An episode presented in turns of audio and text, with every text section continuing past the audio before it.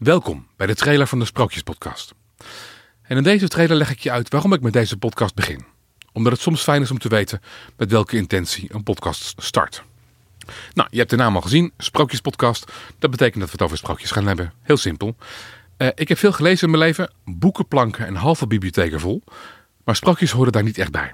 Dus er is een andere aanleiding voor. En dat begint in dit geval bij een wat persoonlijk verhaal van mijzelf. Een tijdje geleden voelde ik veel pijn in mijn leven. Het verlangen om kinderen te krijgen. En dat lukte niet. Tegen mijn zin in. En ik dacht, jeetje zeg, het zit me hier niet mee. Sterker nog, het zit me even heel erg tegen. Tot een vriend van mij het verhaal toestuurde van de boer die zijn paard verloor. Het is een verhaal van waarschijnlijk meer dan 2000 jaar oud.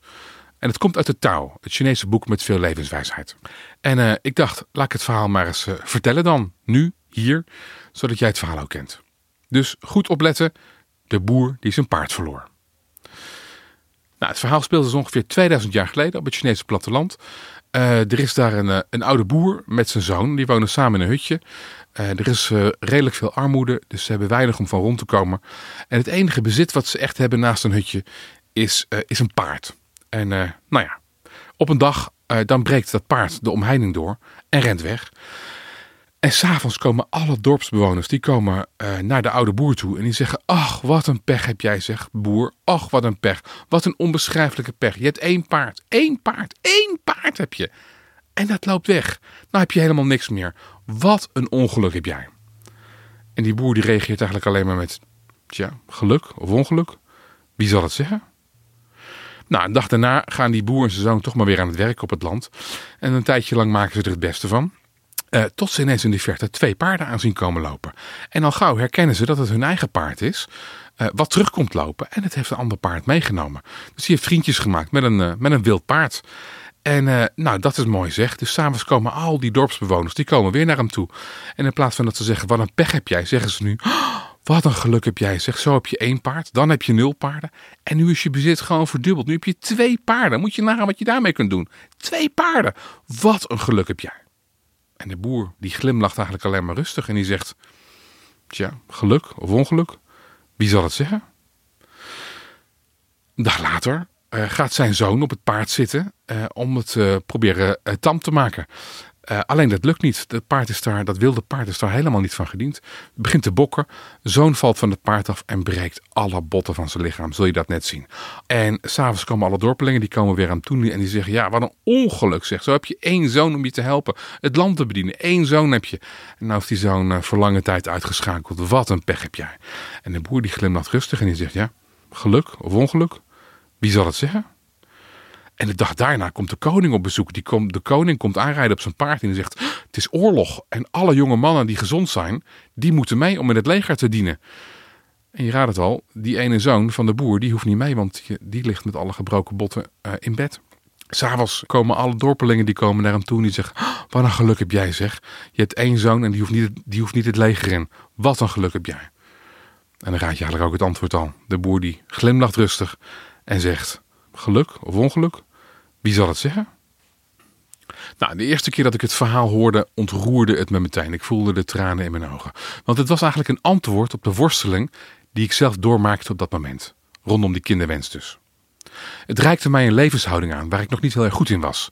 Namelijk, tja, we zullen wel zien. En sindsdien vind ik het wat makkelijker om dat soms te zeggen. Tja, we zullen wel zien. Ik heb het verhaal echt een aantal weken met me meegedragen en het hielp mij om het niet weten te omarmen. Niet weten als levenshouding. En nog steeds, als ik soms iets heel erg moeilijk vind, ga ik terug naar het verhaal van deze boer. Maar toen dacht ik, als iemand ooit, 2000 jaar geleden, moet je nagaan, een verhaal schreef dat een direct antwoord is op een levensvraag van mij vandaag. Hoeveel wijsheid zit er dan nog meer opgeborgen in al die sprookjes en volksverhalen die we elkaar al vele duizenden jaren vertellen? En hoe tof zou het zijn om die wijsheid te ontsluiten? Vandaar dus deze podcast. Om elke aflevering een sprookje te vertellen, gewoon omdat het leuk is om sprookjes te horen, maar er daarna ook nog even over door te praten. Over de diepere betekenis van het sprookje, wat we er hier en nu van kunnen leren. Omdat ook eeuwenoude antwoorden soms prima kunnen aansluiten bij de vragen van vandaag. De sprookjes die je hoort komen uit verschillende bronnen, Uh, Nobelprijswinnaars bijvoorbeeld. Echt hoge literatuur. Maar ook volksverhalen met veel poep en pies. Griekse mythen, de spin Anansi, Duizend en één nacht. Er is zo verschrikkelijk veel geschreven over de hele wereld. En je zult het allemaal voorbij horen komen. Sultans, dwergen, draken, heksen, trollen, duivels, zeemeerminnen. Alles komt voorbij. En oh ja, ook een hoop koningen. Slimme en domme. Maar allemaal hebben ze ons iets te leren over onszelf. Dan nog de vraag wie er aan het woord komen. Uh, en waarom die mensen aan het woord komen. Nou, het antwoord is eigenlijk heel simpel. Omdat ik het leuk vind. Uh, ingewikkelder gaan we het niet maken. Dus ik ben op zoek naar sprookjesdeskundigen, verhalenvertellers, storytellers. En uh, dan bel ik die mensen gewoon op en dan zeg ik, zou je het leuk vinden om een paar sprookjes te vertellen? En tot nog toe heeft helemaal niemand me teleurgesteld.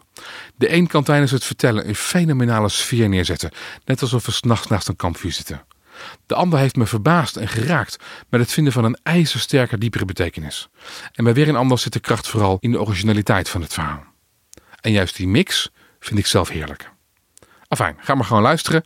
Ik hoop dat jij met net zoveel plezier naar de podcast gaat luisteren als dat ik heb gehad met het maken ervan. Heel erg welkom bij de Sprookjespodcast.